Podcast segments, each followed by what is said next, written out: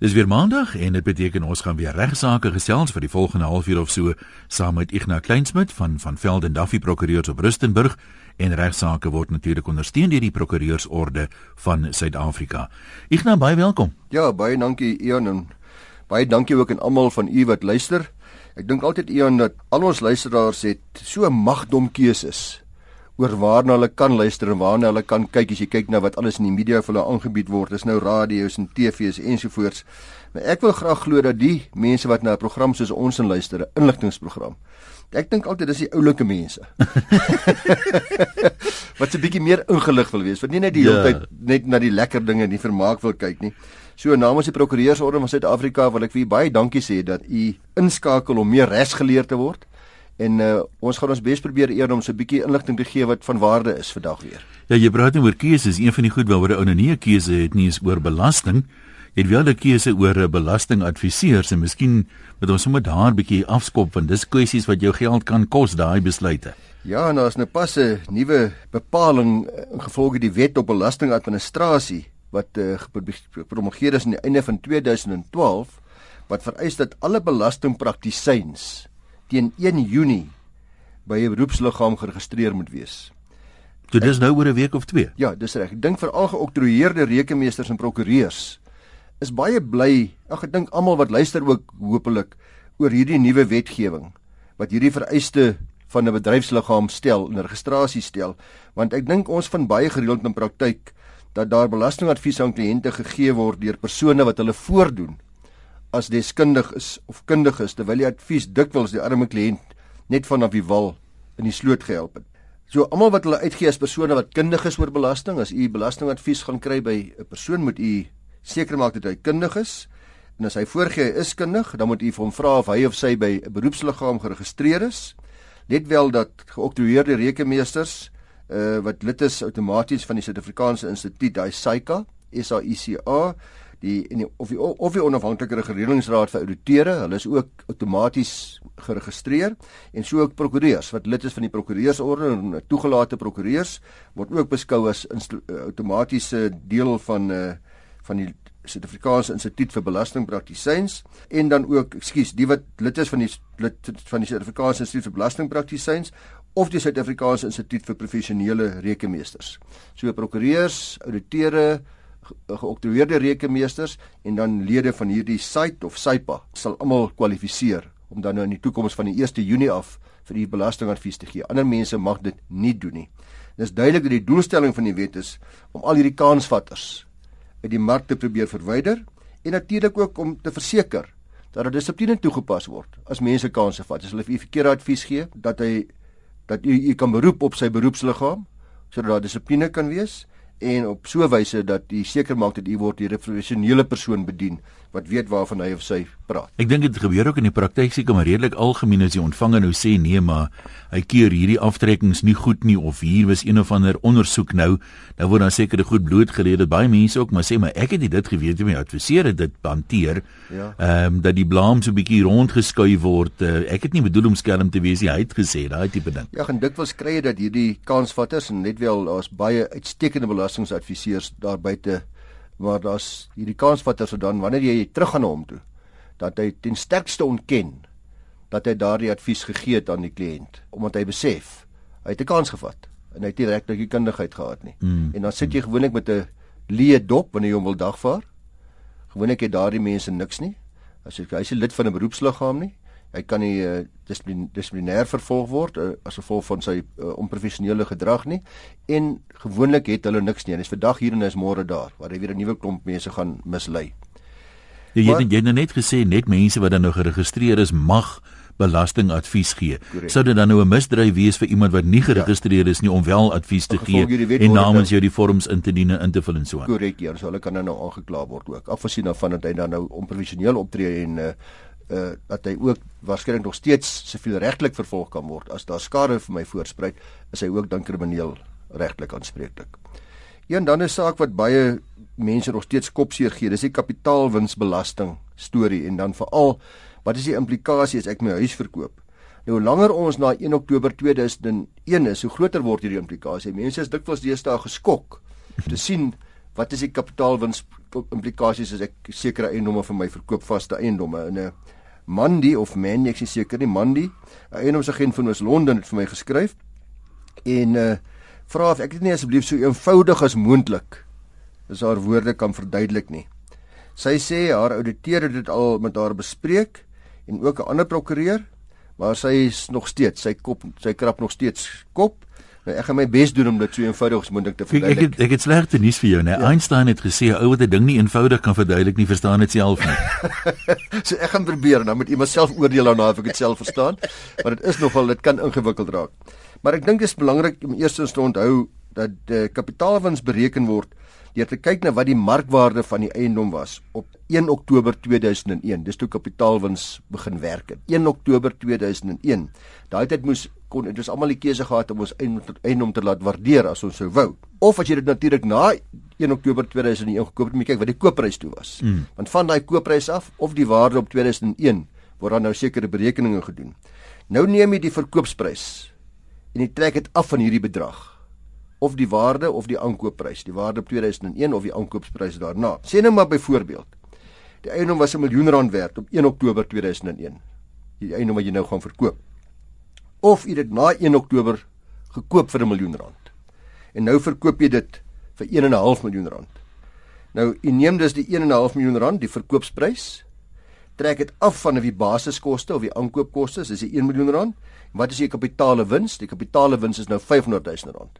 Maar dis nie kapitaalwinsbelasting met 500 000 rand, dit is kapitale wins. Mm -hmm. Nou gaan jy kyk terloops in die geval van 'n maatskappy of 'n beslote koöperasie of 'n trust is die koers waarop die kapitaalwinsbelasting bereken word 50% van die kapitaalwins in die geval van 'n natuurlike persoon 25%. So dis jy gaan minder betaal as jy 'n natuurlike persoon is in die eie naam die eiendom aangekoop het. As jy byvoorbeeld dan nou die eiendom byvoorbeeld die onroerende eiendom in 'n maatskappy gehad het, wat sou dit beteken het? 500 000 rand wins gemaak, onthou nou. Dan uh, sou dit beteken dat die kapitaalwinsbelasting nou bereken moet word op die helfte van 500 000 rand. So nie die volle wins nie, net die helfte van die wins. Dit moet bereken word dus op 250 000 rand. Of as jy dit in die eie naam gehad het, dan moet dit net bereken word op 'n kwart, 25% van die wins. Dis met ander woorde op 125 000 rand. Maar weer eens is nog steeds nie die kapitaalwinsbelasting nie. Dis nou net die bedrag waarop dit bereken moet word. Het nou afgekom van 500 000 rand af na 125 000 rand as u in die eie naam die eiendom mm -hmm. gehou het. Uh hierdie bedrag word dan nou bygevoeg by u eie inkomste. Sê dan maar u verdien nou argumente met alwe 500 000 rand. Uit al die alle ander bronne uit. Alle ander bronne uit. Hierdie word nou beskou as inkomste waarop u nou gewone inkomstebelasting gaan betaal. So kom ons sê nou byvoorbeeld 125 000 rand en kom ons sê maar net byvoorbeeld jy betaal slegs 10% belasting normaalweg op jou inkomste. Dan sal dit wees 10% van 125000 rand wat gaan bykom en dis nou gelyk aan 12500 rand wat jy nou gaan betaal. As jy byvoorbeeld superbelasting sou betaal van 40%, dan gaan 'n 40% wees 125000 rand. Dis jy nou klaar oor die oor die koerses waarop mense die hoogste belasting betaal. Dan gaan jy nou 40% betaal van 125000 rand. Dit wil sê 50000 rand. In geval van 'n trust is die belastingkoers altyd 40%. Daar's ander koerse op trusse maatskappye verhaalbaar.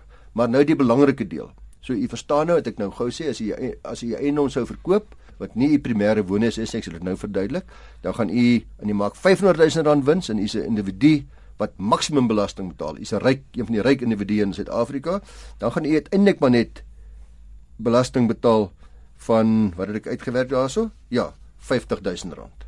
Wat nog steeds baie geld is, maar daarom ook nie in die in die lig van die koopprys van 1.5 miljoen is dit nou 50000 rand. So baie mense eh, kan baie maklik in 'n nuwe belastingskaal ingedruk word deur hierdie addisionele inkomste wat by hulle ander bronne kom. Waarvoor 'n mens dan nou voorsienings moet maak en betaal jy dit dan in daai jaar, in daai belastingjaar. Selfe jaar waar jy dit ontvang het in ja. Uh as jy die huis wat u verkoop is, net net nou dit baie duidelik sê dat u nou nie dink o, gits as u 'n huis gaan verkoop nie, net een huis dat waarin u bly dan gaan u kapitaalwinsbelasting betaal nie. Dis nie so nie. As die huis wat u verkoop u primêre woonhuis is, die huis waarin u woon, dan is dit belangrik om onthou dat tans is 1.5 miljoen rand kwytgeskeld van kapitaalwinsbelasting. So my voorbeeld wat die huis net 1.5 miljoen rand werd is, sou daar geen kapitaal mm, mm. waar daar net 0.5 miljoen rand wins is. Die eerste 1.5 miljoen wins is kwytgeskeld van kapitaalwinsbelasting as dit so, dis weer eens wins, dis nie verkoopprys nie. Korrek, dit geld ongelukkig nie as die huis geregistreer is in die naam van 'n familietrust, 'n maatskappy of beslote koöperasie nie. Ons onthou daar was op 'n stadium 'n vensterperiode waar binne ons gratis ons huise kon oordra om hierdie bepaling te probeer vermy. Sodra 'n belastingbetaler 'n kapitale bate aanwend om 'n besigheid te bedryf. Aan die ander woorde, ek het nou 'n eiendom of gebouetjie of iets en nou begin ek daar uit 'n uh, restaurantbedryf of uh, ek begin my eiendomsagentskap daar uitbedryf, dan sal die opbrengs van die verkooping van daardie eiendom beskou word as 'n inkomste. En onthou dan sal inkomstebelasting betaalbaar wees en nie kapitaalwinsbelasting nie. So as my eiendom gebruik word om wins te genereer, dan is die inkomste wat ek gemaak as ek daai eiendom verkoop, is dan inkomste waarop ek inkomstebelasting gaan betaal. Wat normaal die koers wat vir jou van toepassing is. Natuurlik baie meer is as die as die kapitaalwinsbelasting wat ek pas vir die uitgewerk het. So as u byvoorbeeld sou besluit om die eiendom te verdeel voordat u dit verkoop en dan die deel waar die huis is apart te verkoop en die kaal erf wat jy afgesny het sonder dit te verkoop of jy omskep dit in deeltitel eenhede dit word as sulks verkoop dan moet jy maar tog eers behoorlik gaan advies kry om te verseker dat u nie inkomstebelasting gaan betaal as syne deel van u geldmaakskema nie want dikwels dikwels slurp dit al die potensiële wins wat u moet maak met al die slim planne om nou deeltitel te skep ensovoorts slurp dit dit op en mense is dan baie vies wil nie vooraf maar behoorlik gaan hoor dit wat presies gaan die implikasies wees nie die hofsaak hieroor maak dit dan ook duidelik dat die onderverdeling van 'n eiendom of die registrasie van 'n deeltitelskema op so 'n eiendom maklik kan kwalifiseer as verkoping van 'n kapitaalebate en kan daar dan wel kapitaalwinsbelasting betaalbaar wees. Dan moet jy dit reg gaan doen. Ek praat nie daarvan op 'n skelme manier nie. Jy kan hierdie belasting vermy uh nie ontduik nie deur korrekte advies te kry. Wettiglik vermy. Korrek, ja. Jy moet ook maar daarna let dat alles wat ek gesê het en ek hoop ek het dit so maklik as moontlik gemaak en verstaanbaar as moontlik. Laat mens maar net weer besef en elke keer dink ek daaraan, gaan kry liewers behoorlike advies voordat u u begewe in 'n situasie waar u dalk meer gaan betaal as wat u in die staat wou betaal het. Ja, mens kan waarskynlik met uh, een konsultasie met 'n kundige persoon gaan jou 'n paar honderd rand kos, maar ehm um, hierdie goed kan nie reggestel word as jy dit eers verbrou het nie. Nee, daai paar rand gaan vir jou baie baie hartseer en uh, baie groot skade vir my. Tweede helfte van vandag se program gesels ons oor uh, iets wat ek dink vir baie mense nogal 'n bietjie van 'n probleem kan wees, kwessie van huisbediendes en skorsing onder andere van uh, mense. As ek 'n onderwerp sou kan opsom, Ignas. Ja, Ian, ek het onlangs in 'n program verwys na die feit dat daar al meer kritiek is in Suid-Afrika teen die feit dat in sommige staatsdepartemente en ook onder andere die justisie oud uh, bestaande regters waar hoëgeplaaste werknemers geskort word en dan steeds salaris ontvang. Ja. En hoor jy vir 'n jaar en 2 jaar en niemand kan dit verstaan nie. Hoe kan dit dan wees? Nou kan nie presies onthou watter konteks ek genoem het nie, maar ek het heelwat die aksie daarop ontvang. Die algemene versoeke die e-posse wat ek ontvang het is dat ek meer inligting moet gee oor die omstandighede waarin 'n skorsing dan wel kan plaasvind. Ek doen dit baie graag. Kan ek net gou vir jou vra, is daar ander reëls vir huisbediendes as vir ander werkers? Val daar in 'n ander kategorie nee, of is dit maar dieselfde vir enige werknemer? Vir, vir alle werknemers, ja. Want dit is belangrik om daarop let dat meer as een vorm van skorsing voorkom. En uh mense kan dit maar noem proaktiewe skorsing of voorsorgskorsing. Uh en dan ook 'n tweede vorm van skorsing wat meer in die vorm van straftoemeting is. Deel van jou straf word jy geskort, maar een wat die meeste mense pla is hierdie voorsorgskorsing.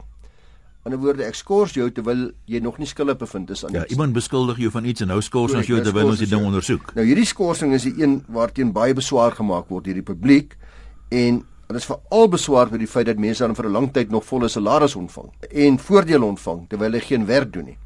Nou hierdie vorm van proaktiewe skorsing vind gewoonlik plaas en dis wat ek net vinnig wil verduidelik.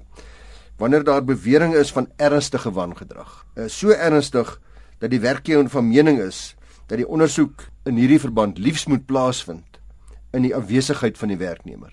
Wat te verstaan is, hmm. dikwels is dit 'n persoon wat gesag uitoefen, dikwels hoog geplaas en dis baie moeilik om 'n saak behoorlik en effektief te ondersoek teen hom terwyl hy nog in die kantoor sit waar hy nog half sê met die basis. Ja, net dikwels ook toegang tot finansiële rekords wat dikwels ter sprake kom en so aan. Goed, en dan word presies en dan word hierdie persoon nou geskort sodat die ondersoek onbelemmerend kan plaasvind sonder enige inmenging deur hierdie werknemer. So dis die twee vorms van skorsings en nou dink wanneer ons na hierdie ander een kyk, dan is die vraag hoe kry hy nog salaris? Hy is nog aan niks skuldig bevind nie. Daar's nog net vaar beweringe teen hom hy sal salaris dan kry en dit is ook dit klink dalk onbillik maar as jy mooi daaroor dink dan is dit nie so onbillik nie want as dit in 'n hy situasie was waar u weet hy is onskuldig maar daar's nou allerlei mense wat u verdag gemaak het dan sal mense ook bitter ongelukkig wees om skielik sonder 'n inkomste te sit terwyl jy hmm. nog niks verkeerd gedoen het nie. Ek dink wat die meeste mense plaas, ek meen mense kan dit nou verstaan vir 'n paar weke of 'n maand of twee, maar as jy nou hier in die tweede jaar toe kom, dan begin ouens nou vra, nou hoe lank duur die ondersoek dan? Is daar enige beperkings aan die periode wat die skorsing mag duur? Nee, ongelukkig nie en dis een van die probleme hier en ek dink wat ook baie kere rol speel by die gevalle waar die publiek baie beswaard oor raak, is daar 'n bietjie politieke uh, agendas is dat daar om onverstaanbare redes nie met spoedeisendheid en met dringendheid gehandel word om die saak behoorlik te ondersoek nie. Dikwels word die hele skorsing ook gehou hangende die uitslag van 'n kriminele saak. En ons weet almal hoeveel frustrasies daar met die kriminele sake is, hoe lank hulle sloer. En ek dink in baie gevalle veral waar uh, as jy nou dink aan die in in in 'n regter wat nou nou na bewering dronk bestuur het of 'n persoon wat na bewering 'n uh, eh, kriminele oortreding gepleeg het of deel was van korrupsie en diefstal, dan vat daardie kriminele saak geweldig lank. En dit maak nie veel sin uit om jou interne dissiplinêre aksie af te handel voordat die siviele saak, liewer die kriminele saak nie deur 'n hof uh, afgehandel is nie. Dit maak dit net soveel makliker dan. Albei kan natuurlik gelyktydig ook loop en jy kan jou interne saak afhandel, maar staatsdepartement oor die algemeen verkies om te wag vir die afhandeling van die kriminele saak. Nou as ons mense dit net van toepassing maak op die kom die huisbediende situasie wat baie ja. mense dis net baie eenvoudiger en gewoonlik is dit nie so ingewikkeld en so aan nie. Nee. Jy vermis nou iets, jy weet jy skielik maak jou kas oop, jy sien maar jou swart pak wat altyd hier gehang het, hang nou nie meer hier nie. ja. En nou is 'n mens maar geneig om te dink wie kon dit gedoen het? Dalk die huisbediende. Correct. Wil jy 'n bietjie uitbrei daarop? Ian, ek het 'n briefie gekry wat spesifiek aansluit by wat jy nou vra. Uh, die dame sê my huisbediende werk al 4 jaar vir my, 4 dae per week. Die afgelope paar maande egter vermoed ek dat sy my besteel. 2 weke gelede het 'n hele pak suiker wat net spoorloos verdwyn en eergister weer 'n pakkie koekies. Dan sê sy ek wil haar afdank weens hierdie diefstal. Sy ontken dit en sê dis ek wat oud word en vergeet. Sy sê ek is Dis tog ondenkbaar. Sy sê ek is 68 jaar oud. Dan sê sy 'n belangrike ding. Sy sal sy sal loop, maar sy gaan nie kennis gee nie want sy het niks verkeerd gedoen nie. Uh sy sal liewers na die CCMA toe gaan, CCMA toe gaan en ek neem sy praat hierso van wat ons in Afrikaans noem die KVBA, dis die kommissie vir bemiddeling en, en arbitrasie wat maar dieselfde ja. as die CCMA is. Hulle probeer die oplossing vind vir geskille tussen uh, die werkgewer en die werknemer en dit's gewoonlik is hulle doen te doen met beweerde onbillikheid tydens die beëindiging van 'n werker se diens. Nou daar's min weke wat verbygaan waar ons op hierdie program en by 'n prokureurskantoor nie navraag kry van werknemers wat beweer hulle is op 'n onbillike of 'n onprosedurele wyse ontslaan dat die korrekte proses nie gevolg is nie. Nou ons dame hier en sy sê nie wat haar naam is nie, uh is nou duidelik op hierdie pad. Ja. Uh sy het nou sy beskuldig iemand nou van diefstal terwyl sy duidelik geen bewys het dat dit hierdie persoon is nie. Ek weet nie waar ander mense ook in 'n huis werk en wie almal in en uitkom en so voort nie, maar dikwels vind jy dat daar klomp ander moontlikhede is. En baie keer nadat die beskuldiging gemaak is, vind jy dat die suiker word in 'n ander kas gevind. Waar dit nou Dit gebeur soms dat mense ding net daar indruk. Ja. Maar dis van die uiterste belang luisteraars dat ons almal of dit nou huisvrouens is of ons landbouers is of sakemanne moet besef dat terwyl ons nie die voordeel het van 'n personeel wat die arbeidsreg ken nie. Ons het nie iemand in ons kantoor wat 'n arbeidsregkenner is nie wat ons kan adviseer nie maar ons tog moet baie seker maak dat ons op 'n billike wyse handel soos wat die wet voorskryf voordat ons iemand net ontslaan. So so sterk vermoede is nie genoeg om iemand af te dank. Ja, en selfs jy kry ook uh, wat ons noem konstruktiewe ontslag deur jou onskuldig te be, uh, beskuldig. Ja. En dan word ek hou aan vir jou sê Ian jy's 'n dief. En elke keer elke tweede dag gaan sê ek maar waar's dit en waar's dat en later maak ek jou werksituasie onmoontlik en jy voel jy word verneder en jy word uh, verkleineer en dit sal baie dikwels lei tot konstruktiewe ontslag met ernstige gevolge.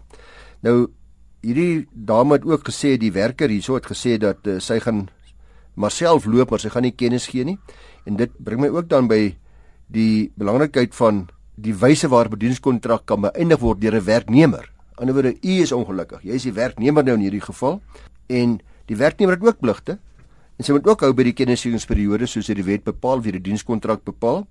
Talle werknemers verloor ook heelwat omdat hulle nie 'n billike en 'n redelike kennisgewing gee nie. Werknemers moet dus kyk na artikel 37 van die wet op uh, basiese diensvoorwaardes wat sê daardie wet moet minstens 1 week kennis gegee word.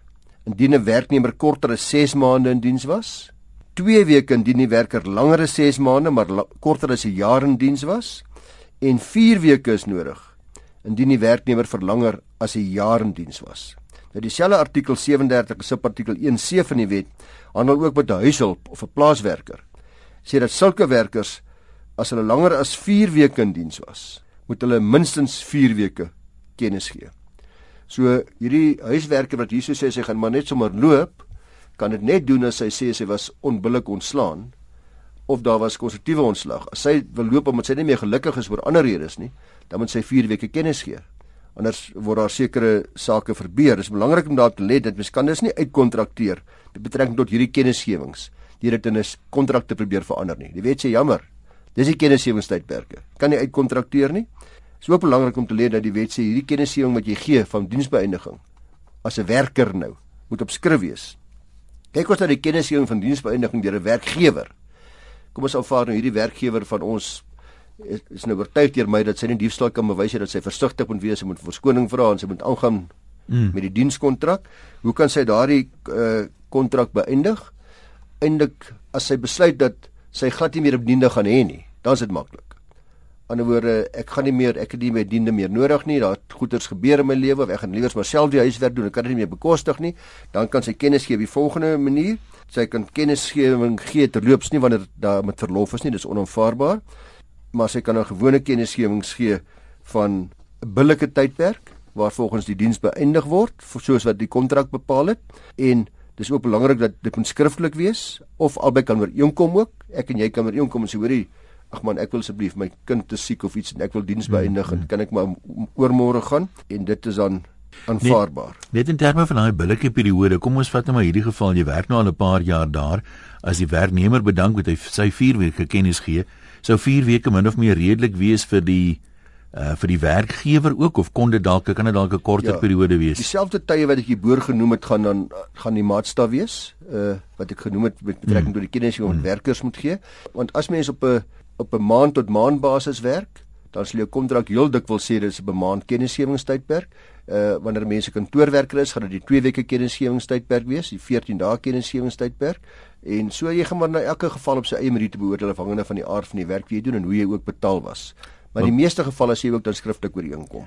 Maar wat nou belangrik is hier, jy het spesifiek nou gesê dit is as sy besluit sy gaan nie meer 'n bediende hê nie. Korrek. Nou wat, hoe is dit anders ja. as hy as hy vir Maria wil vervang met Sunny? Ek is jammer sy sal dit nie kan doen nie sonder om groot probleme te kry nie want uh, daar's geen rede op hierdie stadium waarop sy vir Maria op 'n billike wyse kan afdank en te vervang met iemand anders nie want Maria het nog niks verkeerd gedoen nie. Natuurlik is anders as hy kan bewys Maria het werklik daai suiker gesteel. Ja. Heterdaad betrap word of was ander getuienis baie baie makliker.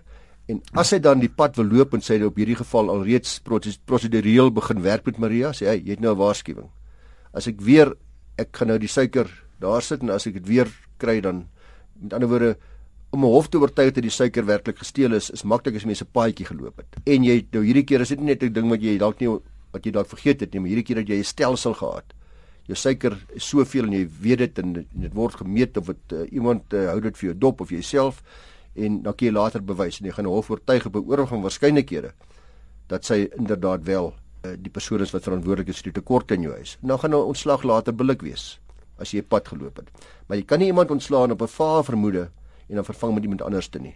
Heel dikwels gaan jy kry dat uh, as daai ontslag dan onbillik is, dan gaan jy 'n bevel kry wat die CCMA gaan uitreik of dit met dit die hof dan as jy nie tevrede is met daardie bepaling nie wat bedrag geld, byvoorbeeld 6 maande se salaris, selfs 12 maande, selfs soms uit 24 maande se salaris afhangende van die erns van die onbillikheid of heraanstelling wat dikwels bitter onaangenaam is want nie een van die twee mense wil eintlik weer met mekaar hmm. werk nie. Dis dit waar hulle baie keer sê met die jaars nou vertrouensbreuk, ons kan nie meer saamwerk nie. En dikwels sal mense weet, ek sal liewer sou die hofstal sê hierdie persoon hoef nie weer terug te gaan nie. Jy het haar soveel keer verneder en beledig met jou vals beskuldigings van diefstal dat ek kan nie vir haar verwag om weer vir jou te gaan werk nie, maar ek gaan liewer vir haar 6 maande se salaris gee of 12 maande se salaris in plaas van heraanstelling. Want by heraanstelling sal dit dikwels ook gepaard gaan met terugwerkende salaris. So dis redelike ernstige gevolge en hoe meer mense hierdie uitsprake van die arbeidshof lees en ek is glad nie arbeidsregkenner nie, maar hoe meer mense die arbeidshof hofsaake lees, hoe meer is ek van mening dat dit absoluut gewens is om telkens maar eers 'n prokureur of 'n arbeidsregspesialis te gaan spreek voordat 'n die diensverhouding deur u eensydiglik beander word. In uh, in die luisteraar se geval uh, is daar tot op hede nog geen prosedure gevolg nie. Ek kan maar nou al reeds vir haar voorspel sy gaan baie moeilik dit bewys wat sy by oomblik beweer. En daar is natuurlik baie mense wat nie noodwendig prokureurs is, maar wat spesialiseer spesifiek in arbeidsreg ja. wat 'n besigheid het wat sê ons is daar om te konsulteer met werkgewers of werknemers as jy onbillik behandel is, kom ons vir jou sê dis die prosedure doen dit of doen Correct. dat. En jy kan self na die departement arbeid toe ook gaan. Uh, hulle sal gewoonlik weet ook wie die arbeidsreg spesialiste in hulle omgewing is of hulle dorp of hulle stad, maar hulle gaan ook vir die baie goeie advies gee. Want dis wat hulle elke dag doen met die CCMA. Aan die ander wyse, gaan direk na die CCMA toe voordat die ander persoon by die CCMA uitkom gaan vra u advies. Is ek billik? Is ek onbillik? Wat moet ek doen? Help my asseblief. En hulle daar's van hulle wat regtig baie effektiewe hulp gee wat vir u nie 'n sent gaan kos nie. Igna, dankie. Dis alwaar vir ons tyd het. Mense wat jy wil kontak, gee net weer jou besonderhede asseblief. Ja, dis Igna IGNA by vvd.co.za. En hy VVD staan vir van Velden en Duffy Prokureurs op Rustenburg en uh, natuurlik die program ondersteun deur die Prokureursorde van Suid-Afrika.